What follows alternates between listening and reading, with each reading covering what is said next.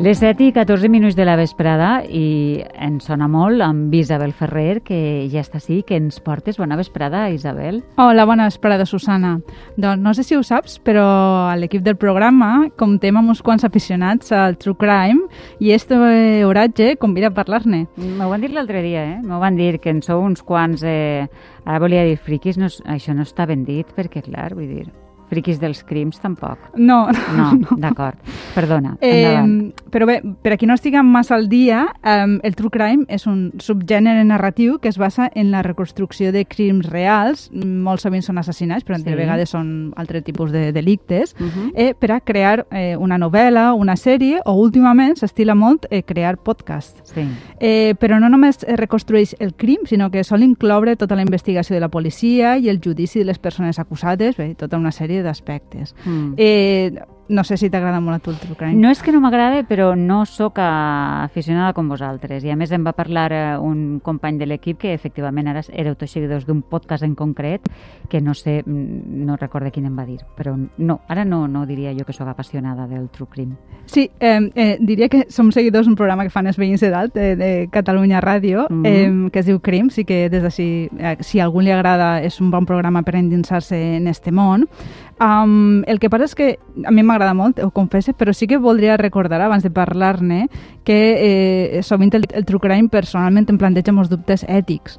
Um, espera, eh, encara que els creadors insisteixen que ells només expliquen una història no? i que la gràcia està en com, com la narrem, s'ha de pensar que són persones reals que han estat víctimes o de vegades hi ha acusacions que no s'han demostrat, traumes que s'arrosseguen i un llarg, etc. Um, D'una banda, també en altres casos ha ajudat a a reprendre a resoldre, algunes no? investigacions no? Mm. que s'havien quedat com poc eh, estancades.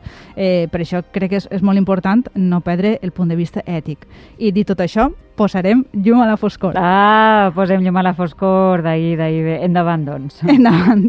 Un dels temes que més pàgines s'ha omplert en el que podíem anomenar true crime musical, eh, que és el sí. del que parlarem avui, seria tot allò que envolta la mort de compositors i també d'estrelles de, del pop. Comença primer pel món dels compositors i compositores amb un dels grandíssims clàssics de la història de la música, que és la mort de Wolfgang Amadeus Mozart.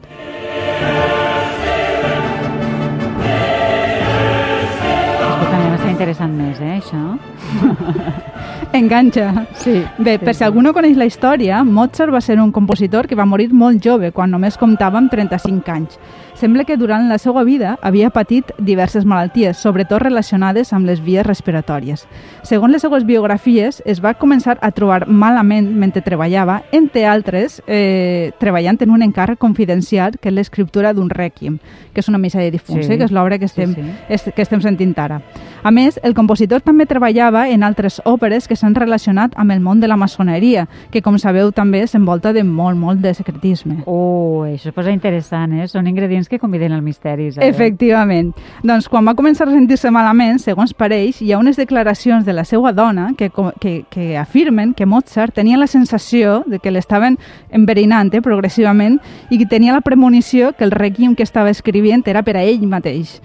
El cas és que passaren un parell de mesos on va alternar millores eh, de la malaltia fins que malaltia definitivament fins a la mort. Per si tots aquests ingredients no foren prou misteriosos, uns dies abans de morir diu la llegenda que el va visitar Antonio Salieri, un compositor italià establert també a Viena i que se suposa que era rival de Mozart. Ah, però i sabem què va passar? No del tot, no del tot. Quan va morir Mozart, els metges escrivieren que va morir per unes febres acompanyades d'una borradura en la pell de tipus inflamatori. Ah. És a dir, eh, no hi ha cap motiu eh, real per a pensar en l'enverinament i tampoc sembla que, que Salieri tinguera res a veure. És com una llegenda que s'ha anat construint després. Així tot, la història és tan atraient que s'han escrit poemes, obres de teatre i fins i tot pel·lícules amb, amb aquesta història, que és la famosa pel·lícula Amadeus, eh, on, no sé si recordeu el Mozart jove que riu, riu doncs és aquesta pel·lícula rialla, sí, sí. sobre esta llegenda al voltant de, de ah, la mort. Eh, però malgrat tot, eh, en aquests casos sempre et quedes amb la sospita, no? Sí, sempre dius, bueno, hi haurà de, sí, de, de, de, de veres, eh? Bueno, no vull que estem més en el cas de morts de compositors o cantants famosos, només vull recordar que internet està ple d'històries que expliquen la, la mort de cantant, alguns que han faltat i altres i altres no, no? Morts que se suposa que s'han donat, però que els cantants encara els veus, no? Uh -huh. A mi em resulta especialment inquietant la història de Paul McCartney, de The Beatles, que se suposa que va morir l'any 1966 i la resta de components s'han dedicat a deixar pistes als enregistraments i a les portades de discos.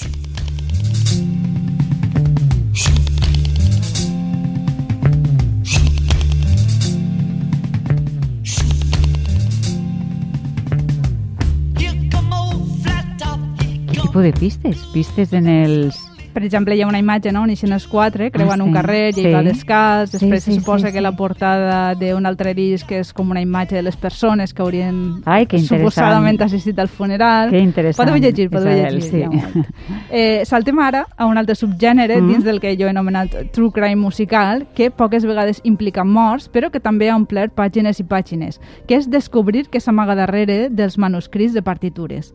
Avui en dia estem molt acostumbrats a escriure una obra i immediatament posar-li la nostra signatura, registrar una propietat intel·lectual, fer còpies per a que no es perda. Per això, en el passat no era així, no hi havia una consciència tan gran d'allò que implicava ser autor, ni tenien tas miraments amb els plagis, ni tenien mitges per a fer còpies, bé, era radicalment diferent. Aleshores, avui en dia tenim moltíssimes obres del passat que són anònimes, d'altres que no sabem si en realitat són obra de qui les va signar, és un altre cas que passa, d'altres eh, que sabem que es van compondre, però no queda cap còpia, només sabem que algú va compondre aquesta obra, però no la tenim, Sí. i un llarg, etc. Vos posaré dos exemples de, de, de, de crims de- d'estos, de, casos reals, un més conegut internacionalment i altre més desconegut, però pot ser més proper a nosaltres. A veure, i per quin comencem? Va, començarem per el cas internacional perquè es basa en esta peça que hem, hem sentit milions de vegades.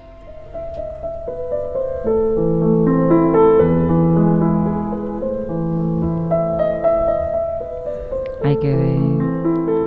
Esta peça la coneixem, clar, per a Elisa, de Beethoven, no? I mira, són el, els quatre acords que aprens de xicoteta i que se't queden gravats i ja està. Ai, doncs no sé si voldràs que continuï. Sí, sí, sí, no, continua, continua. Bé, eh, perquè eh, què, què, què em diràs ara, eh? Què em direu si vos diguera que el- la peça tal vegada no va ser per a Lisa i tal vegada no és del tot de Beethoven? Què dius ara? Sí. Tota la vida dient jo sé un trosset de paralisa i resulta que no? Doncs pot ser no, pot ser no. Com eh, és? Resulta que esta peça va ser publicada per primera vegada l'any 1867, és a dir, 40 anys després de la mort de Beethoven. Oh, oh. Suposadament, un musicòleg de nom Ludwig Noll havia fet una transcripció, o sigui, com l'havia compassat a net, a partir d'una partitura manuscrita del mateix Beethoven. Tanmateix, resulta que el manuscrit escrit eh, per Beethoven no ha aparegut mai i només tenim les declaracions de Noll, que diu que el va trobar en una col·lecció privada a Munic.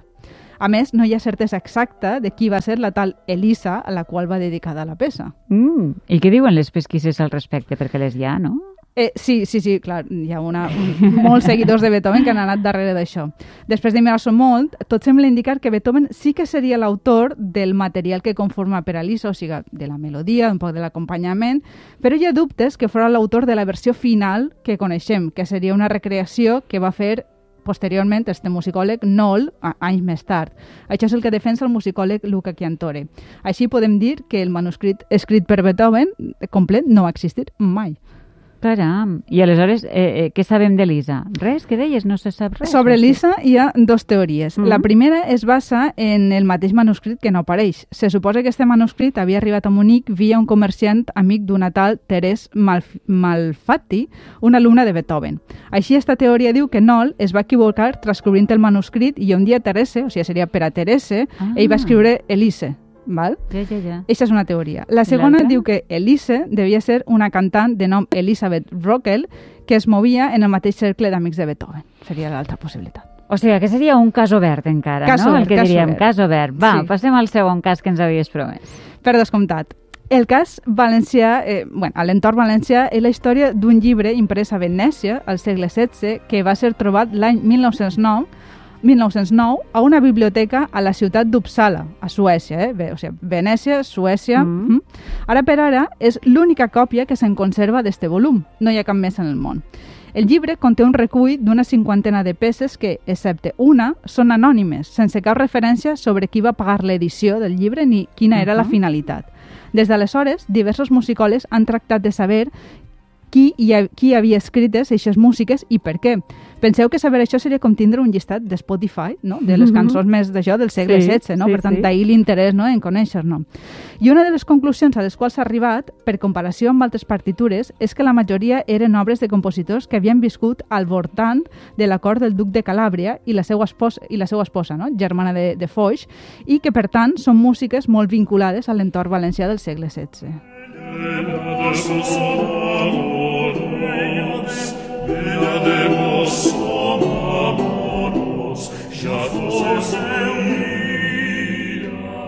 De vos, amorós, no? Jo, jo, sentint aquesta música, que suposa que pertany al manuscrit, no? Clar, i em pregunto, com va arribar fins a Suècia? És, és un dels molts dubtes que encara envolten este llibre, sobre el qual es continua fent recerca per a descobrir els misteris no? que suposem que amaga. I ja bé, i acabarem la secció amb una altra tipologia de crims que, desafortunadament, també han estat molt comuns en relació a la música, que són els crims contra les dones. Mm. I no només per la barbaritat que suposa, sinó perquè el seguiment que en fa la premsa i la seva recreació el que fan és posar-nos al cas, al, al, la por no? al, al cos a les, a les mateixes dones. Clar. Esta és la idea que defensa el brillant llibre Microfísica sexista del poder de Nerea Barjola, eh, Barjola perdó, basat en una investigació sobre els crims d'Alcàcer. Uh -huh. O sigui, és a dir, que aquestes narracions, eh, més que solucionar el masclisme, l'accentuen, no? Efectivament, és una de les crítiques més grans que es fa este, del, del true crime, no? En compte de posar el focus en els agressors, és eh, el recordar-nos no contínuament mitjançant el true crime i altres fórmules yeah. periodístiques estadístiques és un mecanisme que controla, eh, acaba per controlar els moviments de les dones. No vagis a soles per el carrer, posa't esta o eixa roba, i un, bueno, mm. llarg, etc que ja, que ja coneixem. Que ja coneixem, malauradament. I això no és una cosa nova dels nostres dies. Hi ha repartides per tota Europa balades, que són cançons que expliquen una història, sovint transmeses per les mateixes dones amb la bona intenció de protegir a filles, familiars, amics, etc., que parlen d'aquestes violències de gènere. Tenim, per exemple, la història de l'anomenada Caterina de Lió, una jove que està llevant roba al riu tranquil·lament, però passen tres joves i comencen a increpar-la. Després de diversos comentaris, eh, com ara un d'ells que li diu que si fora el marit la tindria tancada en una, en una habitació per evitar eh, tipus de situacions, um, un altre finalment diu que la deixen en pau perquè si arriba a oïdes del marit que estan allí um, molestant-la, um, la xica tindrà problemes.